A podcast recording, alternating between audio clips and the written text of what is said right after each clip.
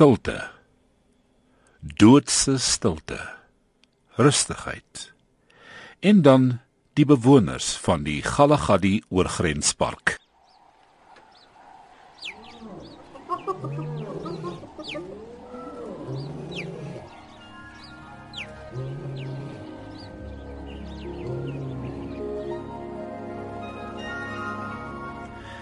As ek hier staan en deur in die verte tuur, dan voel ek die spesifieke omgewing het homself gekies. Die wild het besluit om hierdie gebied te kies as hul tuiste. Dis hoekom die park dan juis hier is. Die mooiste rooi sandduine. Verspreide plante groei. Verspreide bome. En dan die kenmerkende droë rivierbeddings van die Nosop en Aua riviere. Dis riviere soos ons dit ken nie, maar droë riviere sonder water. Ek weet dit snaaks om te glo. Dit vloei net kortstondig, nou en dan as dit wel reën, maar vir die res van die jaar vloei die water ondergronds en voorsien op so 'n wyse lewe aan mense en dier. Wat 'n pragtige en slim wêreld, die Galagadi. Dan vra ek die vraag, waar het dit alles begin? 1933 en die legendariese oom Joep Lerish. My broer Johannes, hy was aangestel net voor by by hy is in 34 is hy van malaria dood.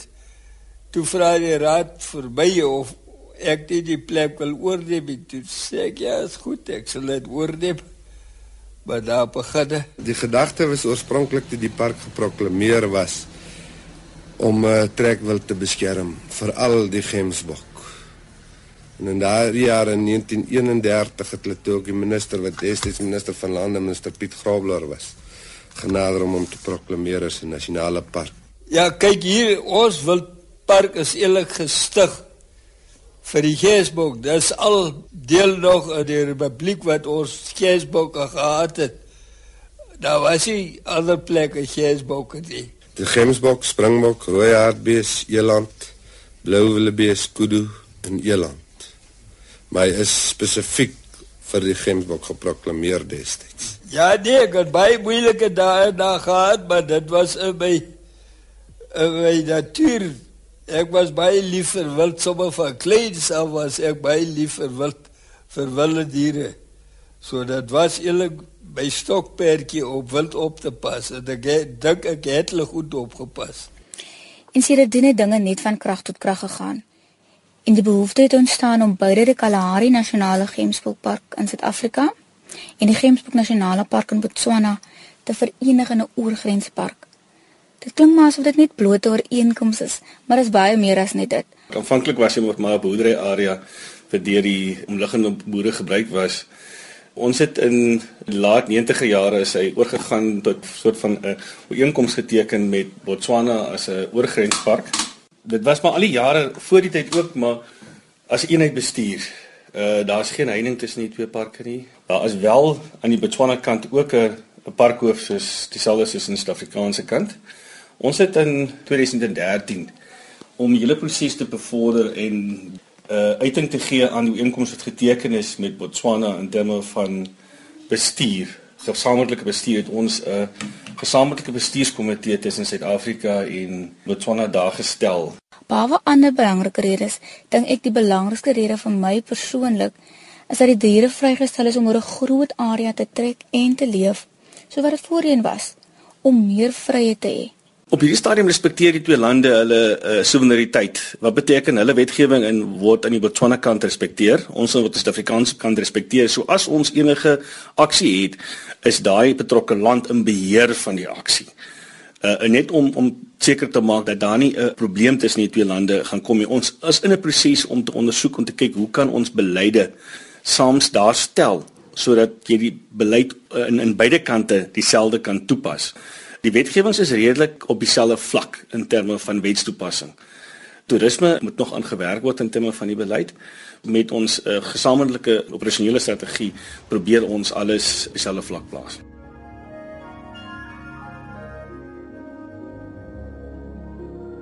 Behalwe die Galagadi oorgrenspark is daar ander soortgelyke ontwikkelings soos die Ai-Ais Rigtersveld oorgrenspark tussen Namibië en Suid-Afrika, die Limpopo Shashe oorgrensbewaringsgebiede tussen Botswana, Suid-Afrika en Zimbabwe. Groot Limpopo oorgrenspark tussen Mosambiek, Suid-Afrika en Zimbabwe. Daarbenewens is sandparke ook betrokke met die Esemvelo KZN wildlewe in samewerking met die Malotti Drakensberg oorgrensbewarings en ontwikkelingsarea tussen Lesotho en Suid-Afrika.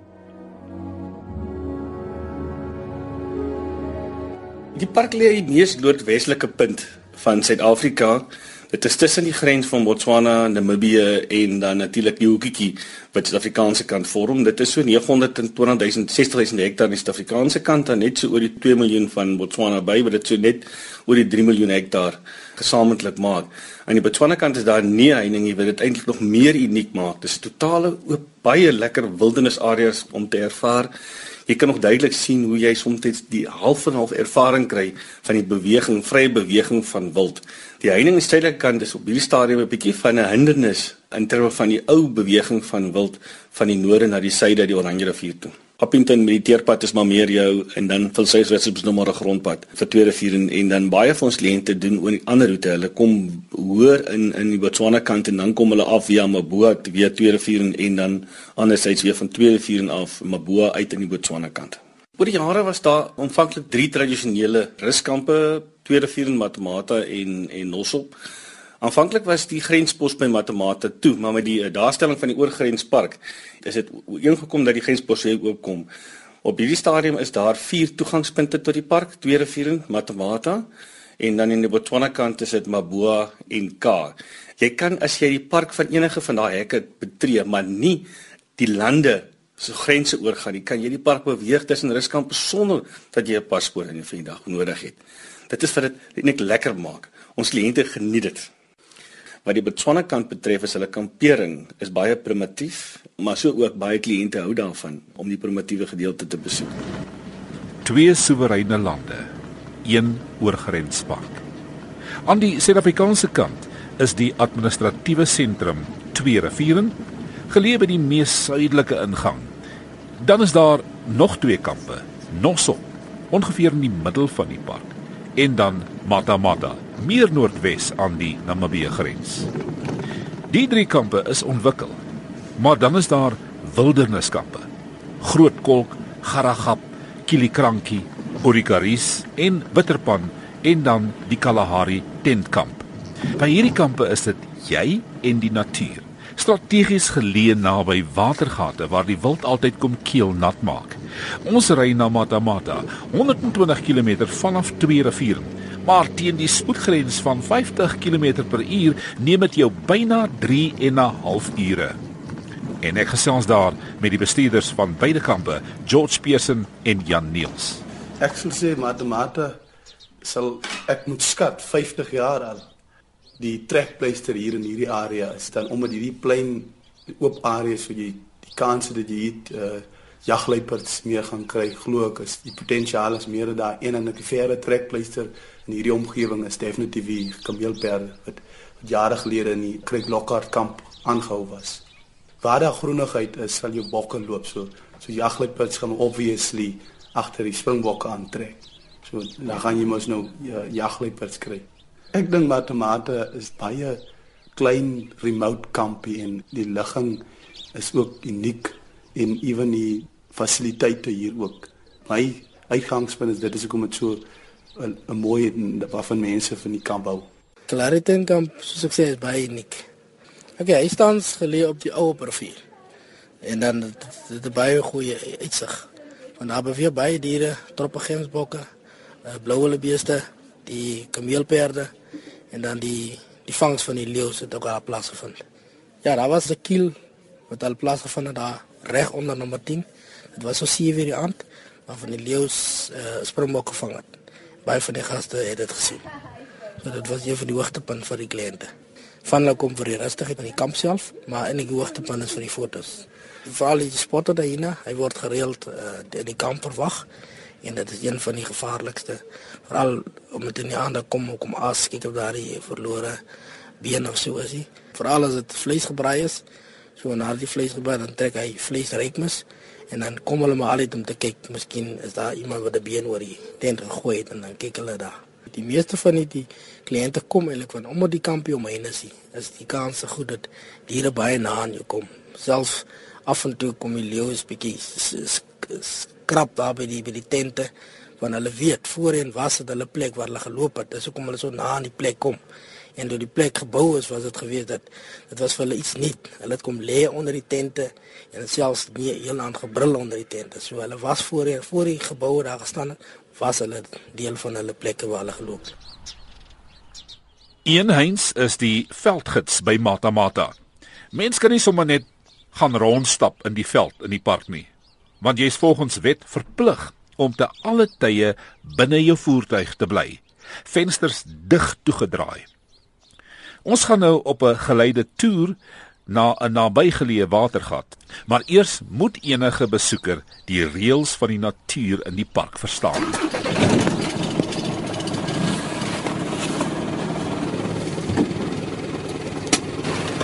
Ja, dit is dis reg. Uh, ons moet mos maar die mense inlig. As jy byvoorbeeld vat, ons het nou nie byvoorbeeld olifante in hierdie area nie uh, maar in sekere reservate soos byvoorbeeld Kruger wat ook deel is van Suid-Afrikaanse nasionale parke kry jy waar jy alleen bulle, olifantbulle wat in 'n mas, soos hulle dit noem, sy testosteron vlakke is baie hoog en hy gaan basies enige iets wat in sy pad kom, gaan hy half uit die pad uit wil stoot. Want op sy kop is nou net of in sy gedagtes net hy wil 'n wyfie kry of 'n koei kry en hy wil paar. En baie keer kry hy dit nie. Hy haal hy vir sy frustrasies op 'n voertuig uit of dan nou op ehm um, bome of so. Al was ook al baie gevalle waar jy gidse kry wat mense uitvat op stappe wat ook die area of die territorium van 'n die dier hy het naby gegaan, hy het die dier gedruk. Die dier het al reeds vir hom waarskuwingstekens gegee dat hy te naby is en die gids het het basies daaronder gelê. Hy's dalk doodgetrap of so. So jy moet maar kyk. Soos ons skema vir die diere bly in die pad wat vir jou gegee word. Sekere plekke kry jy nou maar waar die mense nie gehoorsaam as hulle ry van die pad af na die dier wat onder die boom toe lê. So jy gaan basies in sy area in en dit wil jy nie hê nie. Jy wil nie daai konflik hê tussen 'n wille dier nie. So hou maar jou afstand van die dier. Gee hom daai spasie, die ruimte. As hy aan die regterkant van die pad kom stap, moenie voor hom gaan staan nie om 'n struktuur voor hom in die pad staan nie. Laat hy maar daai spasie hê wat hy kan verbyloop. So ja, dit is een van die reëls. Bly in jou voertuie ten alle tye. Maar nou nie omdat jy nie lekker uh hoe kan kry met jou kamera om 'n mooi foto te kry, uitprobeer klim oor jou dak 'n foto probeer neem nie. Alhoewel jy kry dit nog steeds baie kere mense sê dit vir gaste of uh persone, maar dan dan tree hulle nog steeds anderster op. Jy sal kry byvoorbeeld jy klim uit jou voertuig om daai foto te kry. Die dier reageer op dit. Op die ouende is dit die dier se skuld. Maar ons vat die punt weg. Die persoon het uit die voertuig uit geklim. En dan wat meeste van die valle wat dit maar lei die dier lê onder dit. Hy word uitgeneem want hy was 'n gevaar. Hy kan dit moontlik weer doen. Ja, is nou maar 'n roete wat ons nou die die voorreg het hier in die Matamata omgewing wat ons van die hoofpad afgaan. Is 'n kort roete waar dit gee dan nou die gaste wat nou nie op hierdie pad kan alleen ry nie. Hulle moet fisies op 'n uh, 'n rit dan na hierdie pad vat. Ook weer eens gesê ons is nou in die rivierbed, die Awa rivier. Ons ry nou basies tussen die duine om dit nou so te stel. Uh maar jy kry maar meeste van die tyd is dit die duine nou aan die linkerkant. En dan jou jou wat die die kalk gedeelte aan die regterkant. Maar ons is nou op die rand van die rivierbed. Uh ek sien heelwat suurgras. Dis reg ja, Kalahari suurgras. Smaak ook wel wel bekend. Uh dis ook hoe hy sy naam gekry het. So ja, dit is nou maar een van die gras wat die diere nie vreet nie. En as jy kan sien, hier is heelwat uh sulke bondel groen wat dan lyk soos 'n 'n pompoen blaar effek. Dis wel wat ons noem in Afrikaans die uh pompoenbossie. En dan was nou Karoo pumpkin, sy Engelse naam.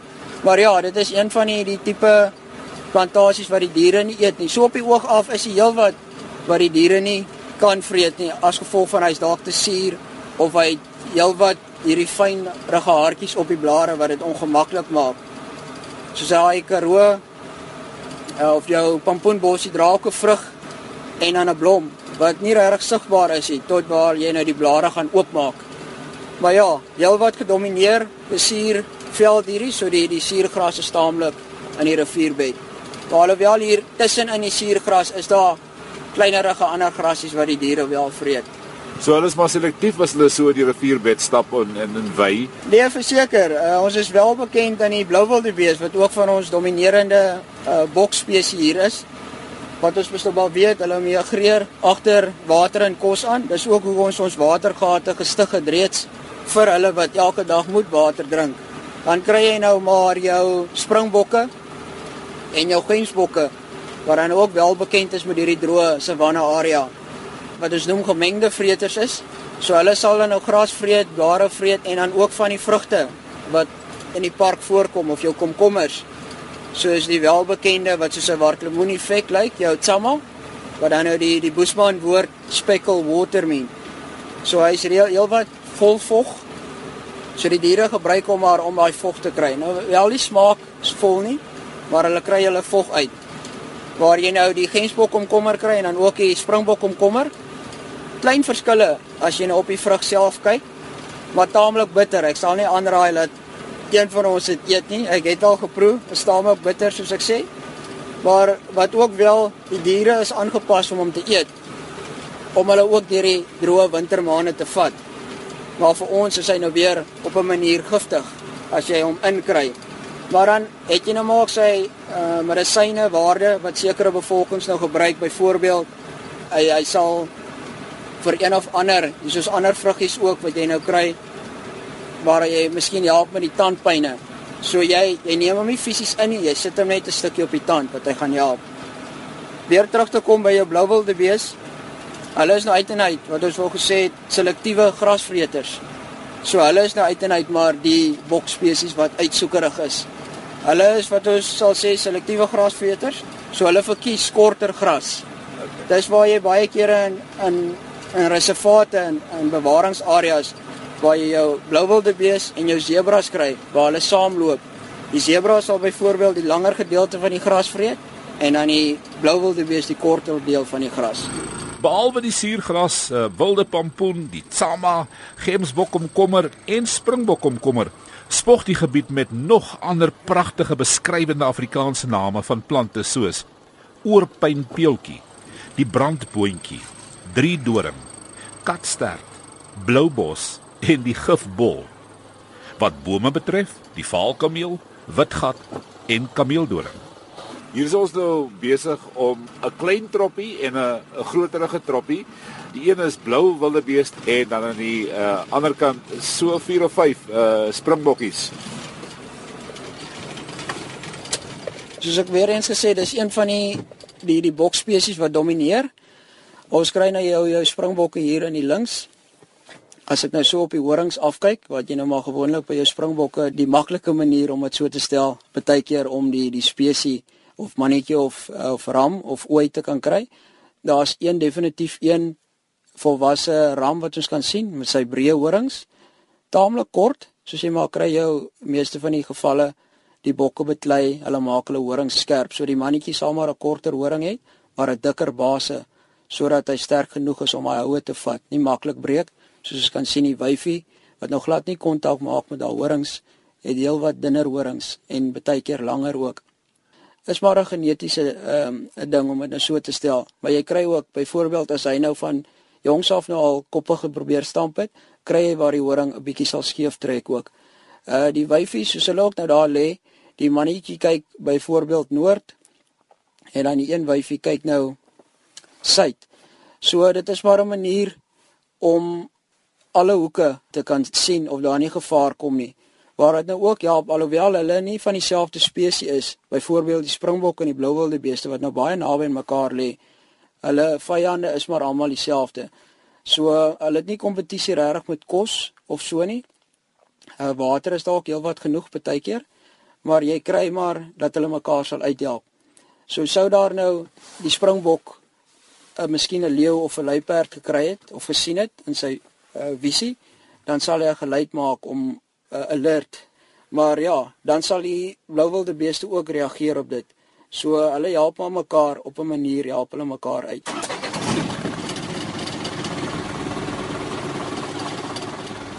Die gensbok, een van my gunsteling bokspesies. Ek meen is ook maar 'n as jy net kyk na die patrone wat hy vir jou gee, die die wit en die swart en dan die grys en daai horings wat ook maar 'n gevaar inhou vir enige predatore of dan nou vir mens.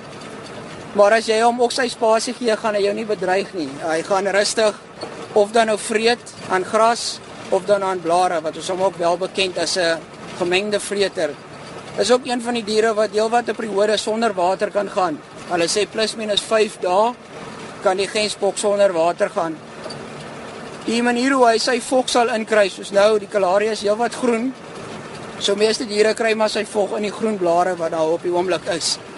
Hulle sal ook grou na wortels miskien die horings gebruik of net die voorkant van hulle hoewe. So ja, die tye wanneer hulle miskien sal vreet wanneer daar nog van die vorige aand se ryp of ehm um, hoe kan ek sê die die die plantasie nog heelwat nat is.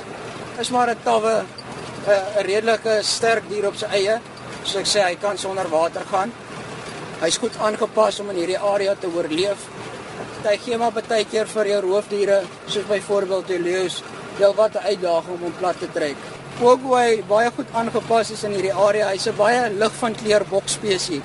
Waar ons weet, ehm uh, wit reflekteer meeste van die tyd en swart trek in wat hy dan nou ook het op sy klere.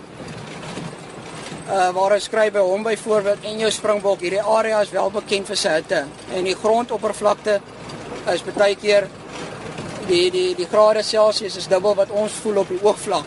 Ja. So daai wit op die pens en in die gesig is op 'n manier om meeste van hy hitte af te skei. Dan is hy ehm um, neus, binnekant sy neus is daar ook heelwat ryk bloedvate. As hy die lug inasem, dan koel dit ook daai uh, bloedvate af wat dan nou so na die brein toe gaan. So reguleer hy sy temperatuur op die verskillende maniere. Hy sal nie byvoorbeeld soos 'n donker antiloop, blou wilde bees in modderrol om homself koel te maak. Die springbokke, elande, gemsbokke, rooi hartebeeste, steenbokke, blou wilde beeste en kameelperde heers oor die vlaktes van die Galagadi en die aardwolf, swartrug jakkals, bruin en gespikkelde hyena en die Afrika wilde kat is altyd op uitkyk na prooi of 'n happie of twee wat agtergelaat is. Afrika is bekend vir die groot 5. Die leeu, olifant, Kaapse buffel, luiperd en die renoster.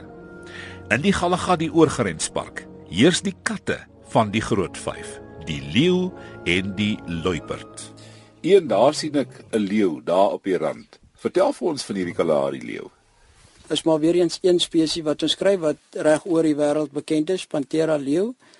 En Ja, die die gebied het maar 'n invloed op hoe jou dier gaan uitdraai. Soos ek gesê het met die duine, hulle loop redelik duine. Die swart maanhaar is wel bekend hier onder die in die Kalahari. Maar die Kalahari leeu is eintlik maar julle trekpleister. Wat is die ander trekpleister? Ja, die Kalahari leeu wat ons nou deel vorm van die sogenoemde groot 5 saam met die luiperd. So dis dan die twee katspesies wat ons hier kry wat deel vorm van die sogenoemde groot 5. Ehm um, albei katspesies van ons groot katte as gevolg van hulle kan redelik groot geraas maak. Die die leeu is bekend vir sy brul.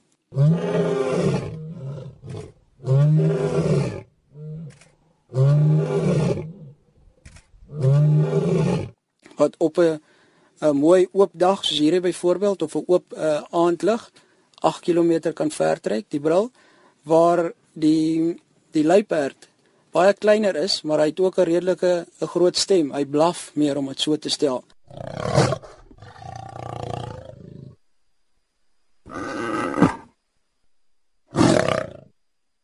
So ja, jou cheetah is ook 'n groot kat, maar sy geluid wat hy maak is meer weer soos 'n 'n voël om dit so te stel.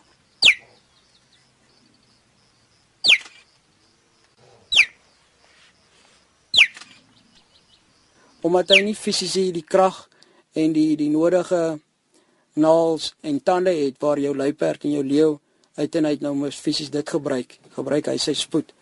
Dit is ook 'n ander groot trekpleister, jou cheetahs. Hierdie area is ook heel bekend vir sy cheetah wêreld.